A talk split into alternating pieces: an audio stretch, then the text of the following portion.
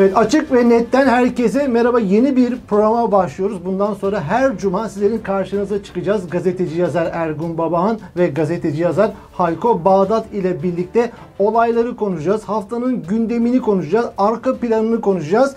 Yayının adı gibi, bu programın adı gibi açık ve net konuşacağız. Lafı dolandırmayacağız. Kitabın orta yerinden konuşacağız. Evet ben hayırlı olsun diyorum Ergun Baban, Hayko Bağdat. Yeni bir programın heyecanıyla başlamış oluyoruz. Evet ne diyorsunuz? Ee, ne diyelim biz yurt dışında olmanın avantajı ve batı kültürü içinde uzun zamandır yaşıyor olmanın verdiği o eğitimle her şeyi burada olduğu gibi e, kimseyi kıracak, incitecek, e, bize zarar verecek düşüncesine kapılmadan olduğu gibi konuşmaya çalışacağız bildiğimiz kadarıyla.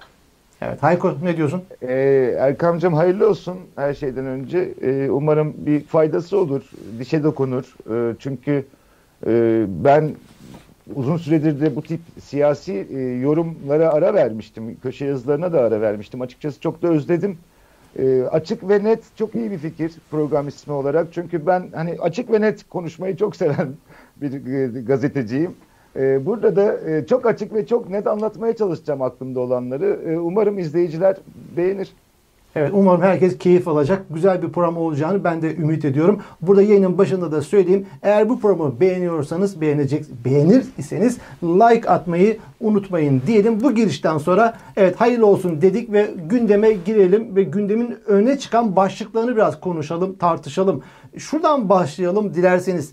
E, Erdoğan'ın seçim planını konuşalım. Ee, çünkü HDP meselesi var. HDP kapatılacak mı, kapatılmayacak mı? Vekiller tutuklanacak mı, tutuklanmayacak mı? Çünkü geçen hafta HDP'li 9 vekil hakkında fezleke düzenlendi. Zaten pek çok HDP'li hapiste ısrarla üzerine gidiliyor ve dokunulmazlık meselesi meclise gelecek. Burada hangi parti nasıl oy kullanacak? Bütün bunları yani seçim öncesi neler planlıyor AKP iktidarı bunu konuşalım. Dilerseniz önce yaş itibariyle hepimizden büyük deyip e, söyleyeyim mi Ergun Baban? İhtiyar. hepimizden ihtiyar olarak e, medya dünyasına duayensin. Biz oraya geldik. Ama Ergun abi başlamadan sen de o like yapını bir yapar mısın ya? O YouTuber gibi onu senin de yapman iyi olur. Like. evet like'ı unutmuyoruz. Evet bunlar seçim öncesi ne planı var iktidarın ve HDP için ne tür planlar düzenliyorlar sence? Yani birincisi e, HDP'yi tamamen şeytanlaştırmak, HDP'ye oy vermeyi bir suç haline getirme çabasındalar. Bu altyapı sayesinde özellikle Kürt coğrafyasında e, HDP seçmenine, sandıklara gitmesine, gidilmesine ya da sayımda yapılacak hillelere e, geniş kamuoyunun onay vermesini sağlamaya çalışıyorlar. E, muhtemelen e, genel bir seçimden önce anayasa değişikliğini referanduma götürebilecek çoğunluğu elde etmek için bir ara seçim planlıyor olabilir Erdoğan. 9'dan ibaret değil, haklarında fezleke hazırlanmış toplam 33 HDP milletvekili var. Yanılmıyorsam şu anda mecliste 22 e, boş sandalye bulunuyor. Eğer 9 daha düşürülürse ki AKP işte emri verdi Erdoğan parmaklar kalkar diye. İyi Parti de verdi talimatını sözcüsü aracılığıyla biz de destekleyeceğiz diye fezlekeleri görmeden. Ee, yani Demokrat İyi Partisi'yle, AK Partisi'yle, MHP'siyle bu fezlekeler kabul edilecek. Ee, muhtemel bir ara seçim yapıp 367'ye e, ulaşırsa Erdoğan tıpkı Cumhurbaşkanlığı anayasa değişikliği referandumunda olduğu gibi dayaklı sopalı bir şekilde yeni bir anayasayı geçirip kendisini belki de ömür boyu başkan yapabilecek.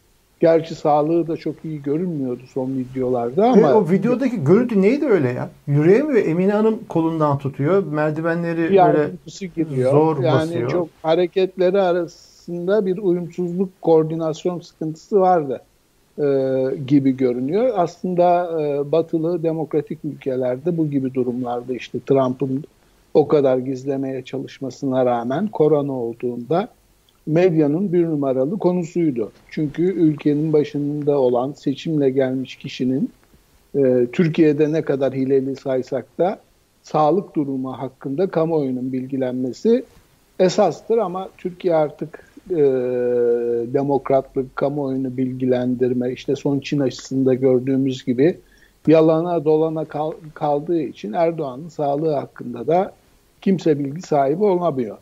E, konuya dönersek işte HDP'den e, 30 milletvekili bölgeden düşürülürse e, Ömer Faruk zaten düşürüldü Kocaeli'nden. O batıdaki oyları tamamen alabileceği zannında sanıyorum Erdoğan. E, bölgede de e, baskıyı çok arttırarak kimi yerlerde zaten AKP'nin o cemaat tarikat ilişkisinden bir tabanı var. E, oradan da bir 20 milletvekili alıp e, anayasayı mecliste önce değiştirip sonra da e, halk oyuna sunmak gibi planı var. İşte 50 artı birden kurtulacak. Üçüncü, dördüncü dönem seçilebilmenin önünü açacak tahminen.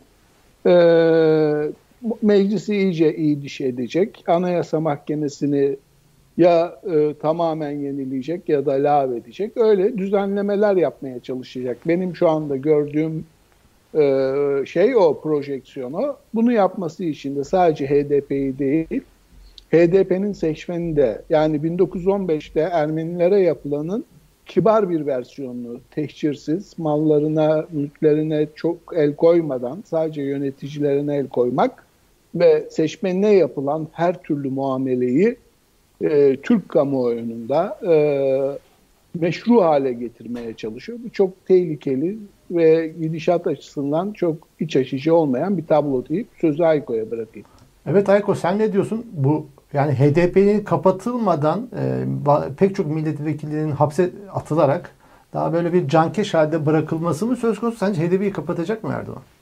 Şimdi aslında Erdoğan bu seçimlerde neyi hedefliyor sorusunu cevaplamak için herhalde gazeteci olmaya, işte gündelik haberleri okumaya gerek yok.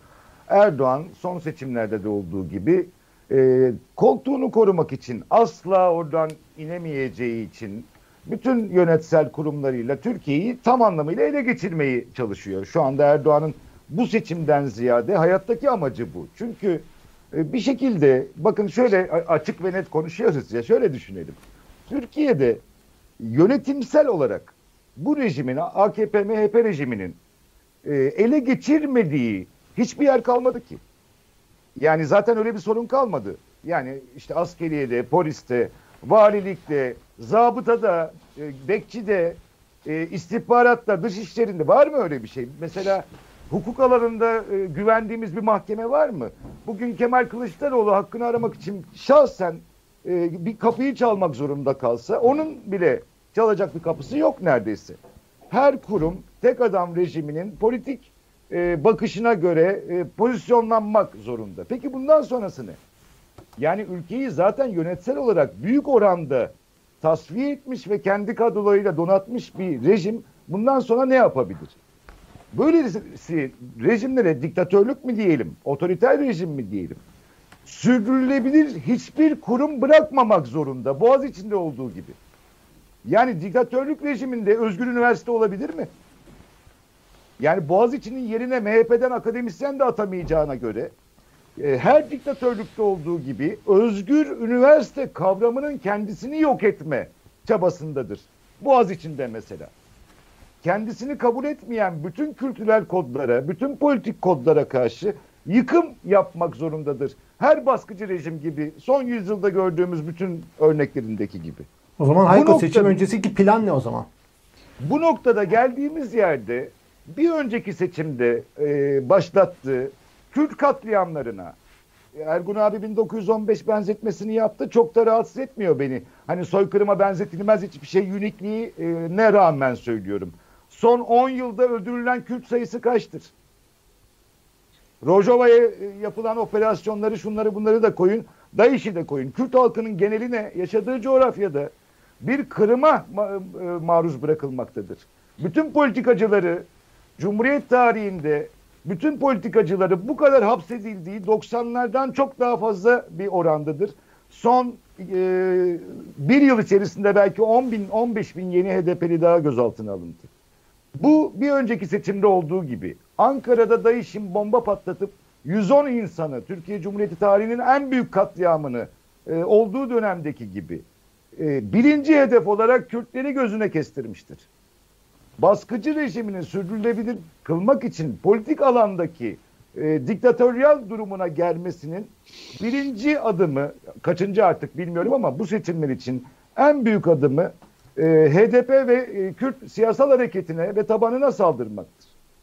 Şimdi bu noktada karşımızdakinin neler yapabileceği konusunda en kötü senaryoyu düşünün. Plan en kötüsüdür. Bütün vekilleri e, hapsetmek, partiyi kapatmak, buna karşı oluşacak bir takım tepkilere çok ağır önlem almak, işkence, baskı öyle değil mi? Fakat bunun e, sorunun bence aynısı çok önemli. Bu plana karar vermiş, tekrar karar vermiş bu rejimin gidişatında Türkiye'deki diğer dengeler ne yapacak? Bunu belirleyecek olan bizleriz. Erdoğan fırsat bulursa tam bir tasfiye, e, tam bir, yani e, parlamentonun kavram olarak anlamını yitireceği, yavaş yavaş yürüdüğü yolunda gidecek. Biz ne yapacağız derken işte mecburum şimdi o bizim içerisine İyi Parti'yi de, CHP'yi de, diğer siyasal oluşumları da e, katmaktır. E, Erdoğan'ın niyeti çok açık Erkan. E, yani... Bu anlamda e, HDP'li bütün arkadaşlarımız biraz sonra rehin durumuna düşebilir. Hani çok konuşuyoruz ya rehine durumlarını. Erdoğan elinde rehine tutan bir rejimdir. Fakat burada da arkadaşlar şöyle bir mesele var. Millet İttifakı'nın en zayıf halka meselesi Kürt meselesi, HDP meselesi. Bilerek işliyor onu zaten. Ve, ha, üzerine üzerine gidiyor bu konunun ve bu konuda da Aha. hemen çözülü, çözülü veriyor Millet İttifakı. E, zaten CHP'nin yüzde ellisi işte Sözcü gazetesi okuyan e, bir kitle e, ya Atatürk kitabı yazdım mı e, zengin olduğun her şeyi okuyan e, bir kitle. E, iki grup var Türkiye'de. Bir Hazreti Muhammed kurallarına uyunca düze çıkılacağını. Biri de e, Mustafa Kemal. E, ikisinin de siyaseti e, yani İslamcı ve e, ulusalcı siyasette Kürtlere açıkçası e, eşit vatandaş gözüyle bakmıyor. Sorun oradan kaynaklanıyor. İyi Parti zaten MHP'nin e, başında bir kadın siyasetçinin olduğu versiyonu gibi görünüyor şu anda. Ee, en önemlisi ister Ergenekon deyin, ister derin devlet deyin, adına ne derseniz deyin, o yapının bütün partilerde evet. tahkim edilmiş bir kadro yapısı var. Yani siyasi parti liderleri e, çok özgür değil orada. Dönüp bakarsanız e, işte Kemal Kılıçdaroğlu Avrupa Birliği liderlerine bir mektup yazıp CHP olarak batıcı tavrı sürdürdüğünü açıklıyor. Ertesi gün grup başkan vekili e, kalkıp işte Ege'de, Doğu Akdeniz'de, Suriye'de, Irak politikalarında, Libya'da hatta partisinin karşı oy verdiği Libya tezkeresinde, Libya politikalarında bile Erdoğan'ın arkasında olduğunu bu konuda hiçbir taviz verilmemesi Erdoğan'ın korkmaması gerektiğini söylüyor. Arkandayız muhalefeti. Aa, onu Erdoğan'a vermiyor mesajı. Kılıçdaroğlu'na veriyor. Diyor ki hayır sen Avrupa Birliği'ne e, tam üyelik ya da Avrupa Birliği ile yakınlaşma yapamazsın. Avrupa Birliği ile yakınlık e, ulusalcı e, kanat için, o derin devletçi kanat için en kabus senaryo. Çünkü Avrupa Birliği ile yanaşma, yaklaşmak, onlarla uyumlu bir politika e, izlemek, e, Kürt coğrafyasında e, bir çeşit e, yeniden yönetim, Kürtlerin ana dilde eğitim hakkı, Kürt kültürünün korunması, yani eşit vatandaşlık e, kavramının öne çıkması gerekiyor. E, ulusalcı Türkler ve Müslüman Türkler Kürtleri Kürt kimliğiyle kendilerini eşit olarak görmüyorlar. Bütün mesele buradan kaynaklanıyor ve Erdoğan da bunu çok iyi kullanıyor. Yani CHP'nin, bu CHP'nin bu yapısıyla Kemal Bey ne kadar istese de HDP tezkerelerine hayır oyu vermekte ciddi şekilde zorlanacağını düşünüyorum. Ama buna rağmen e, CHP'nin yani zorlanacağı evet zorlanacaktır ama evet bu konudaki tavrını en azından vermeyeceği şeklinde Kılıçdaroğlu belirtti değil mi? Hayır bakmamız lazım. Belirtti galiba. Ee, yani, yani benim toplam bir şey söylemedi. Emir verilmesine karşı Erdoğan'ı eleştirdi. Eller Şunu, şöyle bir notum var abi. Ee, Türkiye'de hukuk sistemi çalışmadığı için bu fezlekelerin güvenilirliği olmadığı için olumsuz oy kullanacağız e, diye e, bugünkü haberlerin içerisinde bir ha, notum var. Ya bu ha, CHP ama, işte dokunulmazlıkların kaldırılması için zaten... parmak kaldıran vaktinde yasa değişikliğini onaylayan partidir işte o bir dönem. Ama bak e, şunu yapabiliriz. Şimdi gazeteci olarak yorum yapabiliriz. Öngörülerimiz var. Bildiğimiz Kemalist bakışın Kürt düşmanlığı var. İslamcı gelin. Hepsi var bunlar. Ve bunlar bugün bil fiil insan hayatıyla Türkiye'deki bütün kurulmuş demokrasi tecrübesinin ortadan kaldırılmasıyla sadece Kürt'ü olmuyor işte. Mesela şöyle düşün. Bugün cemaat mensuplarına yapılan bir işkence var. Özellikle cemaat mensuplarına daha çok yapılan bir takım uç işkenceler var değil mi? Şimdi bunu cemaate yapılıyor deyip geçebilir miyiz? Şöyle dememiz lazım. Türkiye'de işkencenin ulaştığı nokta e, tarihsel olarak şu zirveye ulaşmıştır. Şu yöntemler uygulanmaktadır. Bütün sülalesine sıçramaktadır. Bu bir veridir. Türkiye bunu yapıyor. Kürt meselesinde de böyle düşünelim. Yani Kürt'e yaparlar zaten onlar PKK'lı zaten falan gibi bakanlara şunu söylememiz lazım. Öyle değil. Bu durum öyle değil. Yani bu iletişim çağında diyelim ki Gare meselesinde bir değişik durum oldu. Diyelim ki şimdiye kadar esas duruşa geçen Erdoğan'ın Ermenistan, Libya, e, e, Rojava değil mi? Bütün operasyonlarında esas duruşa geçen CHP Gare meselesinde 13 insanın katledilmesi gibi tatsız biten e, çok sıkıcı bir hepimizi üzen bir durum sonrasında Erdoğan'ın yanında esas duruşa geçmedi. Yani e, Osman Pamukoğlu konusunda televizyonda bu harekat yanlış diyecek bir e, karşı çıkışta üstelik. Yani böyle bir barış sloganlarıyla falan değil askeri olarak da yanlış bulundu. Bu yapılan operasyonun ondan sonra gelişecek olan HDP'lilere anti propagandaya da nasıl bir kuvvet verdiğini de unutmayalım. Ama CHP'nin orada oraya geldiği noktada hepimiz şuna heveslenebiliriz birazcık. E, madem öyle CHP bu tavrı sürdür. Şimdi senin çok açık e, diyelim ki Canan Kaftancıoğlu'nun Time dergisine verdiği röportajda e, çok önemli bir röportaj Time dergisi ve e, bir portre olarak sevgili Canan'ı e, işlemişler. Diyor ki ilk söylediklerinde bu, yani bu süreçte tutuklanabilirim ben çok yakın zamanda. Ve e, bu süreçte de daha güçlü çıkarım ama yarın öbür gün. Dil Canan Times'a konuşurken söylediği gerçeklik var ya. CHP bunun ülke içinde böyle söylemese de durumun bu olduğunu bilmiyor mu? Yani bu vekillerin sıralarının onlara geleceğinden, HDP sonrasında yıkılan barajın, e, değişecek olan sistemin onları da yutacağından kaygılanan bir tane CHP'li yok mu sizce? Onlarla ha, bunu konuşmalıyız. Yani... Onlarla bunu konuşmalıyız. Yani siyaset win-win bir iş. Onlarla bunu konuşmalıyız. Meselenin ama e, vatan söz konusuysa e, CHP'nin kendisi bile teferruattır diye bakan insanlar vardır o partide. İşte ama vatan biziz belki onu söylemeliyiz. Vatan bu tarafa Öyle baktığı zaten yani. Bu bağlar çok güçlü gençlik yıllarından kurulmuş. Yani isim vermeyeyim ama İyi Parti'de, CHP'de kimlerin partiden çok devlet talimat ve e, yönetimlerine bağlı olduğunu çok açık yani. Bunun için e, devletin gizli bilgilerine ulaşmana gerek yok. Kim hangi konuda nerede duruyor? Bakabilirsin yani CHP'de devletle en bağlı bir isim her hafta milletvekillerine hangi konularda ne konuşulacak şeklinde bir mail atıyor. CHP'liler onun dışına çıkamıyor mesela. Yani CHP'de devletin çizdiği çerçeve içinde e, bir muhalefet yapma geleneği ve te- terbiyesi var. Niye Deniz Baykal e, 7 Haziran seçimlerinden sonra koşarak e, saraya gitti?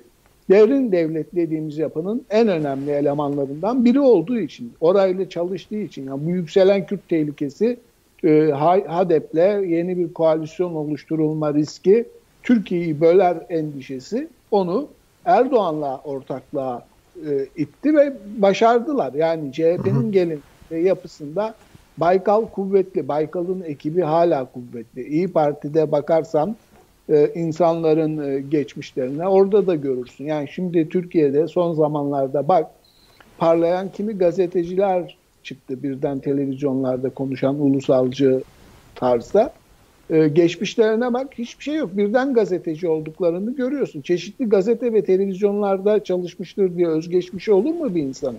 belli ki bir yerlerde eğitilmiş, yetiştirilmiş gazeteci diye e, piyasaya sürülmüş o söylemleri e, sürdürmesi için. E, Türkiye'de e, Kürt, Ermeni, Yunan konusunda ortak bir düşmanlık vardır tarihsel olarak. Erdoğan bunları çok iyi kaşıyor. Bir de buna artı anti-Amerikancılık ekledi.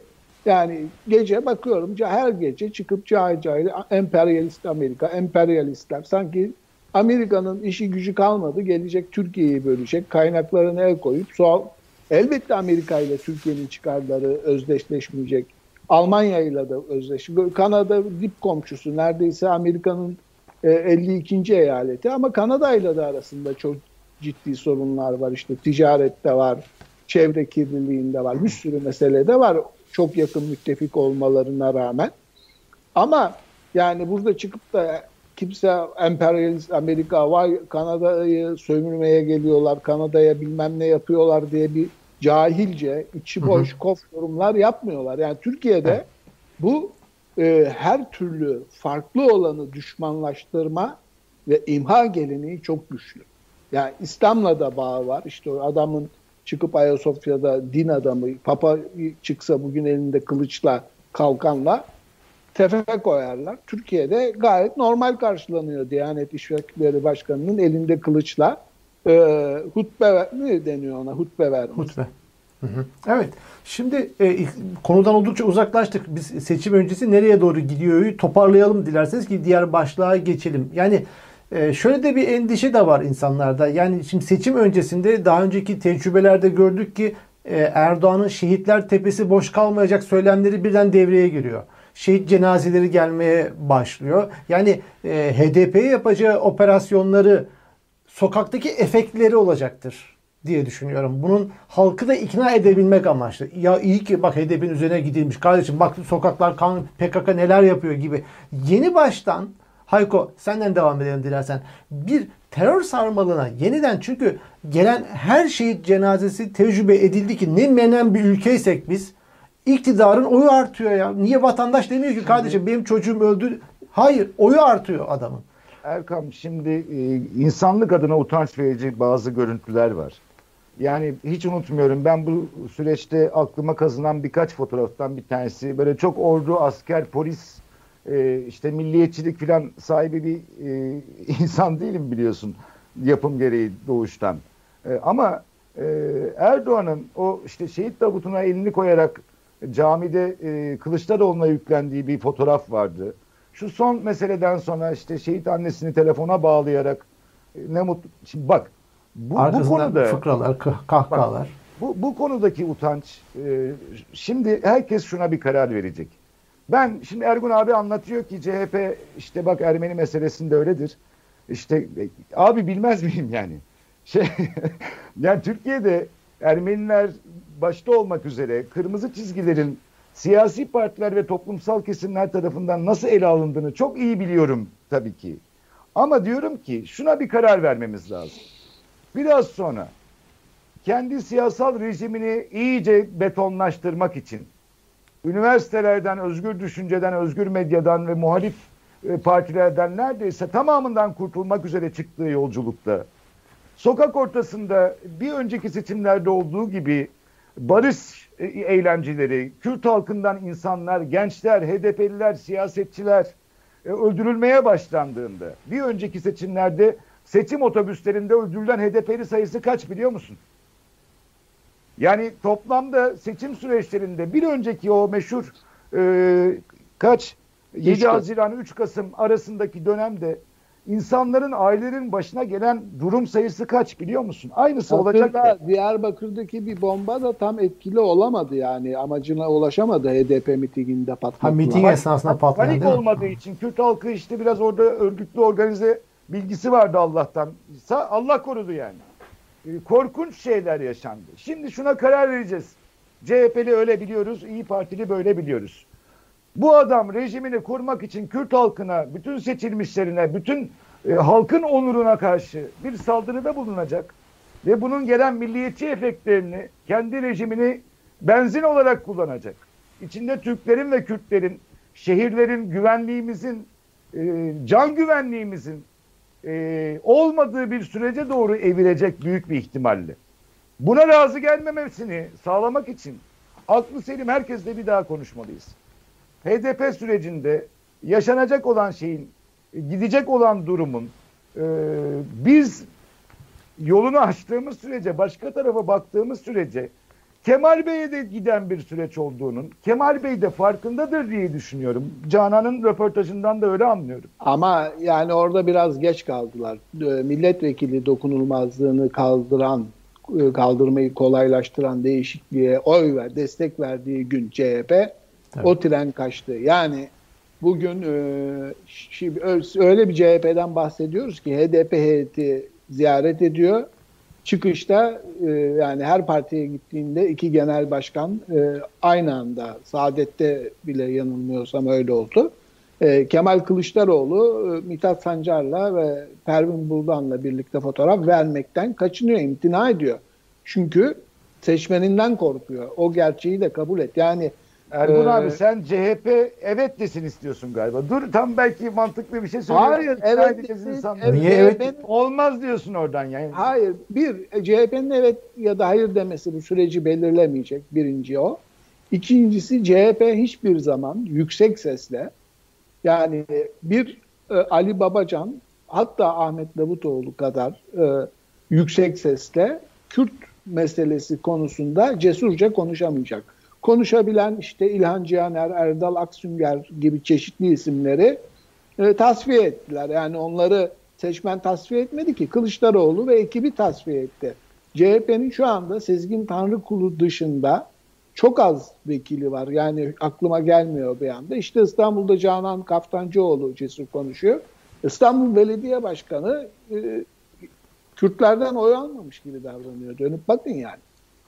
Fakat İstanbul Ankara'da. Belediye Başkanı'nın son çıkışını ne diyorsun Ergun Baban? Yani e, İstanbul birden büyüktür dedi. Yani er, e, Erdoğan'ın e, Kanal İstanbul'u inadına yapacağız deyince vay öyle bir açıklama yaptı ki öyle kolay değil Abi gibilerinden işte, İstanbul birden büyüktür dedi. yaparsın yani. Büyük İstanbul, Kanal İstanbul'da yaparsın.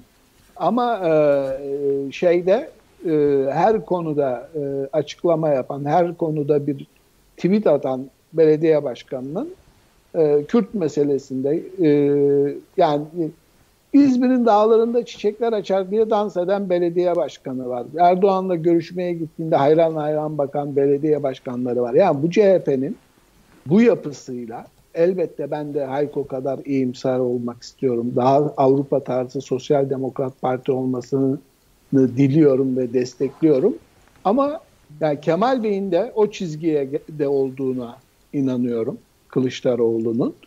Ee, ama o yapısının partinin unutma ki sonuç itibariyle AKP CHP'nin bir e, çocuğudur ya da bir kanadıdır. İttihat Terakki'de Kazım Karabekir'in kaybetmiş olduğu Mustafa Kemal'le mücadelesinde e, bir rövanşını almıştır İttihat Terakki'nin Müslüman ve muhafazakar kanadı. E, CHP de o aynı partinin seküler daha batı tipi yaşamayı e, seven ama batıya hep kuşkuyla bakan, çok hoşlanmayan, onları Türkiye'yi bölme işlemiyle iştigal eden bir medeniyet olarak görüyoruz. Gel abi şöyle yapalım izin verirsen. Biliyorum ki yeni konulara geçmemiz lazım. Son evet. söz olarak ben bir tek şey söyleyeyim. CHP'nin gönüllü, tarihsel bağlarla, demokrasiye olan aşkıyla filan bunlardan bahsetmiyorum. CHP bütün e, kurumlarıyla e, kaybedilmiş, e, bütün değerleriyle başka bir rejime dönüşmüş e, yapıya giderken kendisini güvende hissetmediği takdirde kendini savunma refleksiyle davranabilir. E, bunları onlara hatırlatmakta fayda var sadece diyorum. Bu yani gönüllü bir şeyden bahsetmiyorum. Gidişatın gereğini görecek kadar e, akılcı siyaset yapabilen bir akıl çıkabilir belki. Çünkü gerçekten HDP'liye yani HDP'liler için üzülmeyelim, CHP'liler için üzülelim. Yani bu durumda kalmak, yani kendi ipi boynuna geçirmek sürekli e, halinde bir intihara götürüyor onları da. Çünkü bizim için değil, rejimin geldiği yer kaçınılmaz olarak onları da e, tuzla buz edecek elinde sonunda. Şu noktayı kaçırmamak lazım kapatmadan önce. Ee, yani HDP'ye yönelik bu baskı, vekillerinin tasfiye edilmesi ve muhtemel bir arı seçimde Kürt seçmenlere, Kürt illerine uygulanacak ağır şiddet, bu hile ne derseniz deyin adına e, Washington'dan mutlaka e, tepki ve yankı görecektir. Onu da göz ardı etmemek gerekir. Yani burada belki haftaya konuşuruz. 3 Mayıs'ta başlaması beklenen e, Halkbank davası ile birlikte Erdoğan rejimi ve yakın çevresine tıpkı Belarus'ta, Rusya'da olduğu gibi e, çok ciddi Amerikan yaptırımları gelebilir. Yani evet. Türkiye'nin e, ekonomik olarak çöküşüne yol açacak. Yani bugüne kadar tarihte hiç eşi görülmemiş bir çöküşe yol açacak yeni bir süreç başlayabilir. Yani sadece içeriye odaklanıp e, iç dinamiklere bakarsak e, hata da yapmış olabiliriz. O, kadar. o zaman baban senin açtığın yoldan devam edelim. E, Amerika e, meselesi var. Bugün aşağı yukarı 40. günü Biden'ın seçimi, başkan seçiminin üzerinden ama Erdoğan tebrik göndermişti ama Biden bir türlü dönmedi. Erdoğan'ın beklediği telefon bir türlü gelmiyor Amerika'dan. Şöyle bir baktım yayına girmeden önce. Biden pek çok liderle görüşmüş ki nezaket telefonları önce kendini tebrik eden liderlerle tekrar bir karşı dönüş oluyor. Fransa, Almanya, Kanada, Meksika, İngiltere, Çin, Rusya, İsrail, Irak gibi ülkelerin liderleriyle e, Biden görüşmüş. E, son Erdoğan'a baktım kimlerle görüşmüş son dönemde. Rusya, İran lideri, e, Gagavuz Özel Yeri Başkanı, Azerbaycan Başbakanı Ali Asadov, Almanya Başbakanı burada birincilik bir ülke Angela Merkel'le görüşmüş. Libya'da Başkanlık Konseyi Başkanlığı seçilen Muhammed El Menfi ile görüşmüş ve başka, başbakanlığa seçilen e, Abdülhamit Dübeyde ile görüşmüş. Gissa Bissau ülkesinin Cumhurbaşkanıyla görüşmüş ve Senegal Cumhurbaşkanı e, Merki Sal ile görüşmüş. Erdoğan da bunlarla görüşmüş ama Erdoğan'ın beklediği telefon bir türlü gelmiyor. Gözler telefonda ama o telefon çalmıyor bir türlü Amerika'dan. Hayko senden mi başlayalım? Ee, devam edelim. Aslında e, Ergun abinin bu konuda e, o kıtada yaşadığı için çok daha yakından bilgileri evet. vardır ama bir cümleyle istersen hakkımı savuşturayım. Ergun abiye daha fazla söz kalır böylece. Ee, yani çok komik tabii bu arada bu listede Erdoğan senin anlattığın mizansene göre Erdoğan sürekli bu bilmiyorum öyle mi çalışıyor bu işler. Telefonu açar veya açmaz bilmiyorum. Ama şu çok net bir durum ki e, işte az önce diyordum Türkiye elinde rehine tutan bir rejim e, bir önceki başkanları Türkiye'den rehine kurtarma operasyonu yapmıştır. Rahibi e, Erdoğan'ın elinden almıştır yani bayağı bir e, operasyon. Bu can bu bedende olduğu sürece çıkmayacak dediği halde. Demek ki e, Amerika devletinin bir e, aklı selim yürüyen bir tarafı varsa bir orası da saçma sapan bir yerde bilmiyorum ama kayıtlar tutuluyorsa birden bugün elindeki e, işte listede ülkeler sıralamasında Türkiye'ye baktığında e, bir önceki yaşanan durumlarla ilgili böyle bir durum var. Şunu demeye çalışıyorum. Türkiye e, yurt dışındaki belli e, diplomatik durumlar için belli güçlere karşı Avrupa'ya, Almanya'ya, Amerika'ya, Rusya'ya karşı elinde rehine tutma dahil e, bir e, durumda olan bir rejim ülkesidir yani. Şu anda dışarıdan baktığımız yerde işte kendi parlamentosunu biraz sonra dinamitleyecek, altını oyacak. Kendi üniversitelerini bertaraf etmiş otoriter bir rejimin Avrupa'dan çok net bu durum. Gö görüldüğü bir ülkedir. Dolayısıyla Amerika böyle bir ligdeki Türkiye ile ilişkileri yeniden ele almak için Biden'in beyanına göre bir imkan yakalamıştır. Vallahi büyük sürpriz. Hepimiz bekliyoruz. Türkiye bir önceki Amerikan ilişkilerindeki ülke değil. Yedinci lige düşmüş, elinde rehine tutan, korsan bir aile şirketi rejiminin e, işte Halkbank davası gibi de elinde pek çok kozu olduğu o rejime karşı bir pozisyonda e, tavır alacak. Bu aynı zamanda e, Türkiye NATO'nun e, doğu sınırını çiziyor. Yani Rojava'da, Irak'ta, Kafkasya'da e, elimizde bulunsun böyle rejimler bize lazım olur da diyebilir. Ya da bir dakika abi sen yedincilikte bir ülkesin. Senin ve ailenle durumu değiştiriyorum da diyebilir. O telefonu ben de merak etmeye başladım yani. Şimdi Ergun Baban, şimdi sana döneyim de e, şimdi bakıyorum rakam şeylere geç, e, Trump iş başına geldiğinde ilk haftasında Erdoğan'a dönmüş. Ama artık eski Trump ilişkileri olmayacak gözüküyor. Biden'dan gelen, Amerika'dan gelen sinyaller. Mesela bir Amerikalı yetkili Dışişleri Bakanı zannediyorum yanlış ifade etmeyeyim. sözde stratejik ortağımız ifadesini kullandı.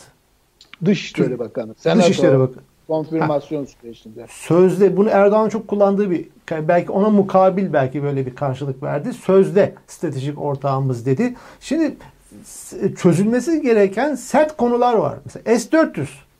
Yeni yönetim kardeşim S-400'ü diyor o topraklarda tutmayacaksın. Şimdi Türkiye tarafı kıvranıyor. En son Hulusi Akar gene bugün bir açıklaması vardı. Ya mektup gönderdik diyor. Cevap bekliyoruz diyor. Bu konuyla ilgili oturalım konuşalım. Bir gerektiğinde kullanacağız diyor. Gerektiğinde kullanacağız. NATO sisteminin dışında kullanacağız diyor. Amerika aa diyor. O orada olmayacak. Ve PYD meselesi de var. Yani kritik e, böyle e, kesişim e, çatışma kümeleri açısından. Şimdi bunlar çözülmeden de Amerika Türkiye ilişkileri öyle kolay seyrine girecek gözükmüyor. Ne diyorsun Ergun Baban? Bu bu telefon niye gelmiyor bir türlü? Şimdi birisi Hulusi Akar aslında Erdoğan'a rağmen öyle bir pazarlık kapısı açmaya çalışıyor. Yani bu e, yapı içinde en, en Atlantikçi ya da NATO yanlısı şahsiyet olarak biliniyor. O e, ilişkiye önem veriyor anladığım kadarıyla ama e, kimse onu artık ciddiye almıyor. Muhatap bile almıyor. Şeyi düşünün yani Gare'de e, 13 askerimiz öldü diye asker demedi onlar sivil dedi işte PKK'yı suçlayan açıklamalar yaptı.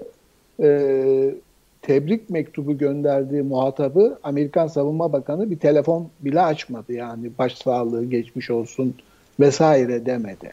Yani Gare e, o konuyu dağıtmayayım ama Amerika'nın gerek hava üstünlüğü gerek sahadaki elemanları vasıtasıyla ne olup ne bittiğini iyi bildiği bir yer. Dikkat ederseniz e, bütün batılı ülkeler Türkiye'nin söylemine çok mesafeli durdu orada. Çünkü başka bir hikaye olduğu anlaşılıyor orada ve Batı bunu sessiz kalarak Türkiye'ye ifade etmiş oldu. E, ikincisi Biden e, Erdoğan'ı geç arayacak, aramayacak. Birincisi tahminim bu bilgi değil. Erdoğan Trump arasındaki çok özel ilişkilerin farkında ya bilgisindeler. Yani Amerika'da da CIA, FBI diye çok güçlü başka ulusal işte ajans kurdular. Bütün istihbaratı toplayan askeri e, istihbaratı var. Orada nasıl bir e, işler döndüğünün az çok bilincindeler gibime geliyor Biden yönetimi. Bir oradan öfkeli. İkincisi Biden'a e, yani normalde hiçbir ülkenin yapmayacağı Dışişleri Bakanlığı, Cumhurbaşkanlığı sözcüsü, iletişim başkanı şeyi nezdinde e, hakaret yağdırdılar. E, New York Times'ta çıkan e, görüşmesinin ardından. Yani sonuçta elbette Amerikalı bir siyasetçinin sözleri de eleştirilebilir, yanlış olduğu ifade edilebilir ama bunak denecek, işte haddini bilmez falan, hakarete varacak Macron'a e, yaptığı gibi söylemlerde bulunursan böyle uzun süre telefon beklemek zorunda e, kalırsın. Abi Süleyman Soylu darbeyi 15 Temmuz'da Amerika yaptı dedi arada bir yerde yani. İşte onu çok dedi onu 15 Temmuz'dan hemen sonra da söyledi. Şimdi Akar'ın çıkışından sonra bir daha gündeme. O da işte CHP gibi yani Amerika ile ilişkilerin düzelme umudu olduğunda hemen soylu ortaya çıkıyor ve işte Amerika'yı doğrudan suçlayan bir açıklamalar yapıyor. Yani o bağın zayıflaması, kopmasından yanalar bu mafyatik sistemin, düzenin sürebilmesi için artık e, Alaaddin Çakıcı'nın racon kestiği bir ülke haline geldi Türkiye. S-400'ü Nahçıvan'a yerleştirme projesinden bahsediliyor. Öyle bir çalışma olduğu iddia ediliyor. Türkiye topraklarında olmayacak sözünden. Ee, Amerika'nın tavrı net görüldüğü üzere e, hiç muhatap almıyorlar Türkiye'yi. Ne komisyon, ne birlikte çalışalım, ne gelip inceleyelim.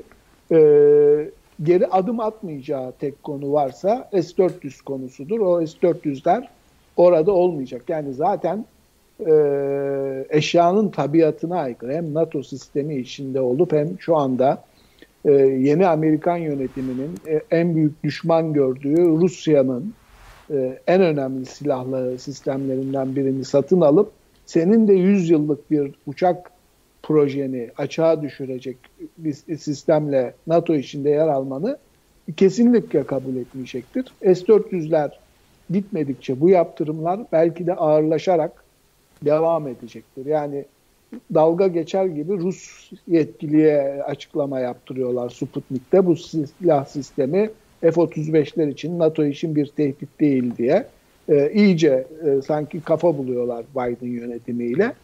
E, telefon gelir sonuçta yani Türkiye e, her şeye rağmen. Gelir de telefonda ne der?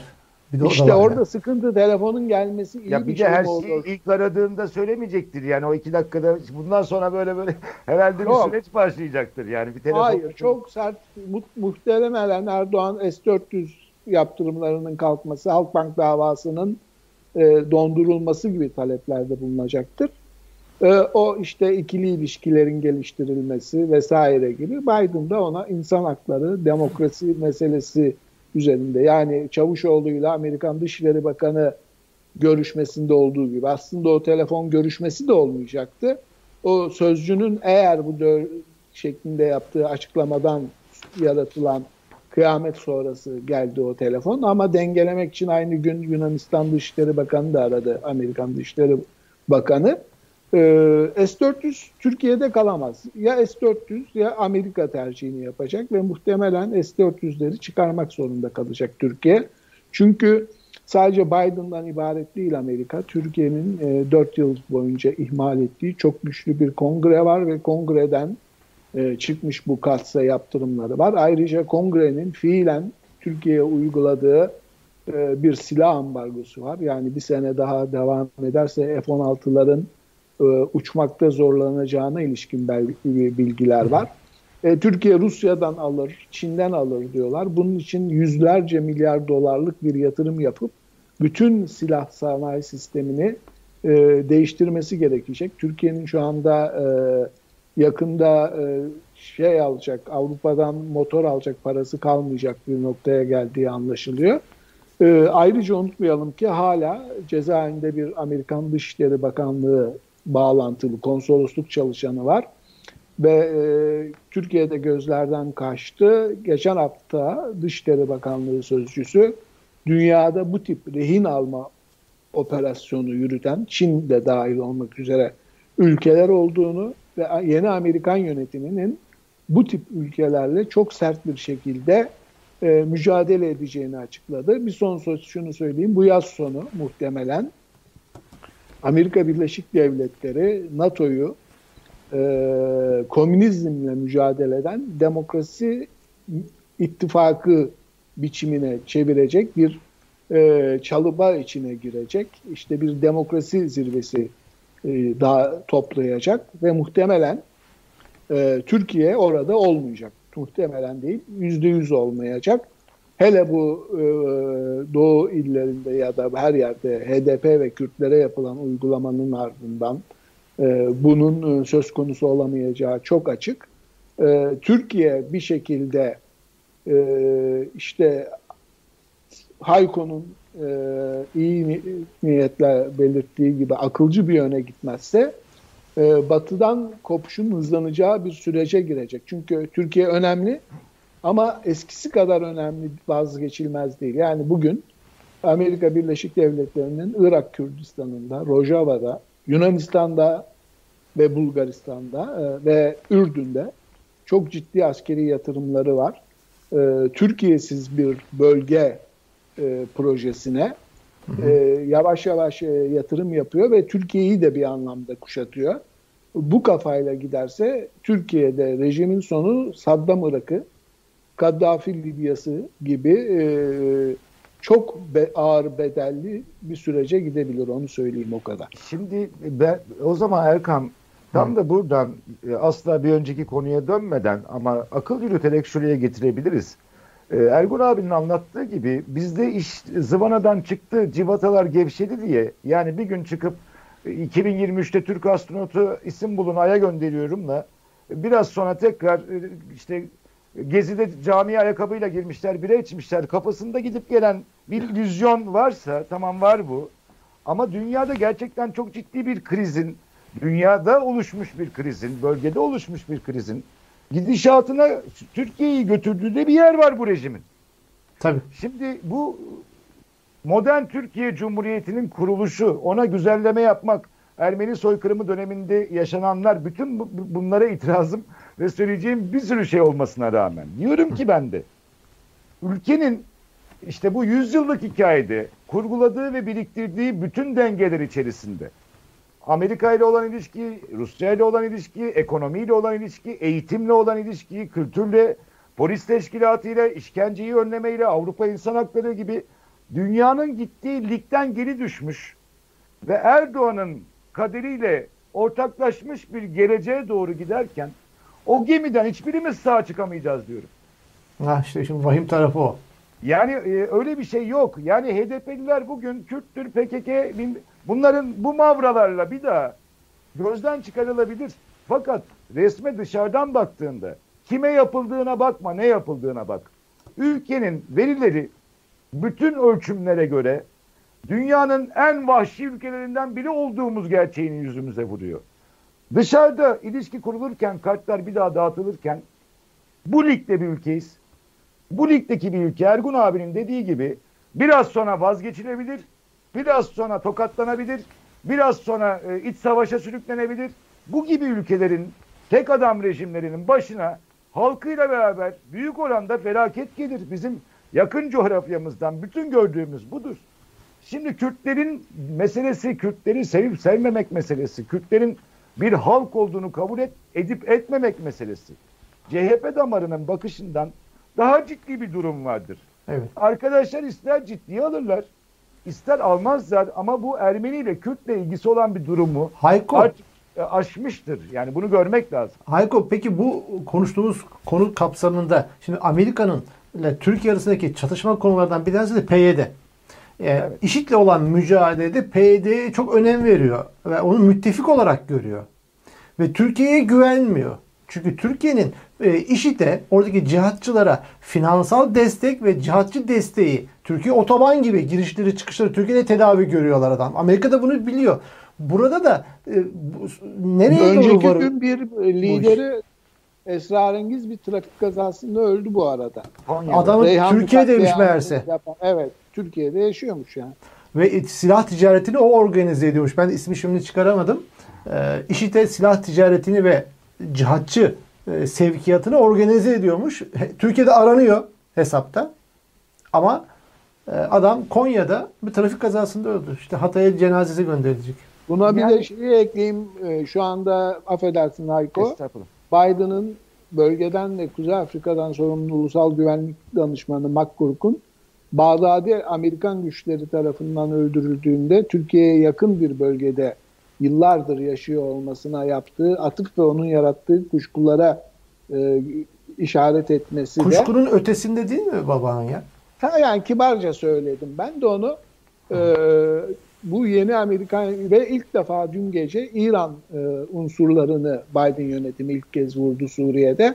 E, Suriye'den e, öyle çok büyük yatırım, askeri yatırım yapmaz ama çekilmez de onu söyleyeyim PYD desteğini. Zaten e, Savunma Bakanlığı yetkilileri PYD'nin daha yetkin hale gelmesi için destek ve yatırımlarının süreceğini de açıkladı. Hı hı. Evet Hayko senin ilaveni alalım. Ondan sonra bir yani, başka bir başlığa geçip programı bağlayacağız. Evet, Sonuna doğru ilerliyoruz. Başımızı belaya sokacak iki cümleyle anlatayım durumu sana açık ve net. ee, yani e, diplomasi başka türlü konuşur. E, siyaset başka bir şey anlatır. Bölgeyi bilenler başka şeyler konuşur. Ama olay yerinde çok nettir her şey. Mesela bugün PYD'yi Amerika Birleşik Devletleri silahlı anlamda işte DAEŞ'e karşı savaşta şurada burada diyelim destekledi. Bölgede bir vesayet savaşı varsa silahlı grupların arkasında da bir ülke bakıyorsak rejimin arkasında da şimdi Rusya var işte değil mi? E, Esad rejiminin arkasında da şimdi hala orada o denge yürüyor. Ne bileyim Haçtaş abi de arkasında İran Şii güçleri var ya. Şimdi biz bunu bölgeye de gittik Ergun abiyle çok net. E, hemen söyleyeyim. DAEŞ'in arkasında da Türkiye var. Bu böyle Can Dündar'ın mitlerlerinde ortaya çıkardı da bir yok ya bu kadar gizeme gerek yok. Gidince görüyorsun. Yani DAEŞ'ten ele geçirilmiş e, rehinelerle röportajlar yaptık biz orada Türkçe konuşanlarla. Ne diyor? Adamların adamların kamyonetleri MK bandrollü e, tüfeklerini gördük yani. Bu böyle bir e, sır. Türkiye'nin açığa çıktı o yüzden Can Dündar'ı işte gününü ne alakası var? Çok net bir bilgi bu. DAEŞ Türkiye rejiminin gücüyle bölgede silahlı, ideolojik, e, psikolojik bir e, cihat mücadelesi içerisinde olmuştur. Türkiye'de onun ana vatanlarından biridir. Şu anda dahil olmak üzere. Pek çok üyesi hala Türkiye'den binlercesinin gidip geldiği gibi hatta ideolojik olarak Türkiye'de e, seçime girse baraj sorununa takılabilir kadar da örgütlenmiştir. Bunu 15 Temmuz sonrası görüntülerde Boğaz içine saldırmaya niyetli olan bakışta milletin karısını evine ganimet gören algıda hepimiz rastlıyoruz ya Twitter'da bile. DAEŞ sadece desteklenen bir örgüt değildir. İdeolojik bir akıldır ve hükümetle ortak fikirde oldukları pek çok nokta vardır. Bu hmm. anlamda tekrar uluslararası ilişkileri soruyorsan bana Türkiye işte PYD'ye bak sen Amerika, Haçlı Şabi'ye bak İran, e, DAEŞ'te Türkiye ve buradaki yapılan Halkbank e, soruşturmaları dahil pek çok petrol ticaretinden para aklamaya uzun süre Türkiye ekonomisinin lazım olan ihtiyaç nakidini de çıkarmış bir durum olarak Türkiye biraz sonra DAEŞ'le e, irtibatlandırılarak yargılanabilecek kadar e, istihbarat örgütlerinde e, belge bırakmış bir ülkedir. Dolayısıyla bizim ülkemizin Cumhurbaşkanı ülkemizi bu hale getirmiştir. Uluslararası alanda pek çok ülkenin biraz sonra bizi haydut ülke ilan etmesi için ellerine yeterince koz vermiştir. Bugün Biden Erdoğan'la konuşurken elinde o bilgiler olduğunu bilerek konuşacak ve tavizlerini ona göre alacak. Hı hı. Evet. Hadi hep beraber e, tam bağımsız Türkiye hepimiz biriz kahrolsun dışarısı. Hadi hep beraber aynı fikre gelelim. Bu Cumhurbaşkanı kadar bizim hep beraber olmamızı karşı taraflara koz verme anlamında hiçbir hükümet e, kadar e, her hükümetten daha kötü pozisyona sokmuştur. Belgeleriyle, bel, bilgileriyle e, Ankara'da garda patlayan bombayla, Diyarbakır'da patlayan bombayla kendi vatandaşlarının e, canının, malının patlatılmasına bile yol verme ihtimali olan hukuki süreçlerdir. Ankara gar evet. katlaması, Suruç katlaması. DAEŞ'in öldürdüğü çocuklara e, e, gaz sıkmışlardır oradaki polisler. HDP'lileri kovalarken yaşasın DAEŞ diye bağırmışlardır. Bu konu bekçiler, Sadat gibi bir sürü konuyla e, genişletilebilir. Türkiye'nin bu bağlantısı Avrupa'dan aynen böyle görülmektedir. Alman merkezi hükümeti tarafından, Amerikan yönetimi tarafından. Kendimizi kandırmayalım. Bu noktada Putin böyle ilişkiler kötüyken Birleşmiş Milletler'e bir sürü dosya verdi zaten. Ya, uçağın düşürülmesiyle alakalı Birleşmiş Milletler Genel Kurulu Güvenlik Konseyi'nde belgeleri açıklayacağım demişti. Yani aynı kozlar Rusya Rusya'nın elinde de var. Şimdi Erdoğan öyle bir iğneli fıçanın içerisinde ki yani bir karar vermek durumunda da kalacak. Bir tarafa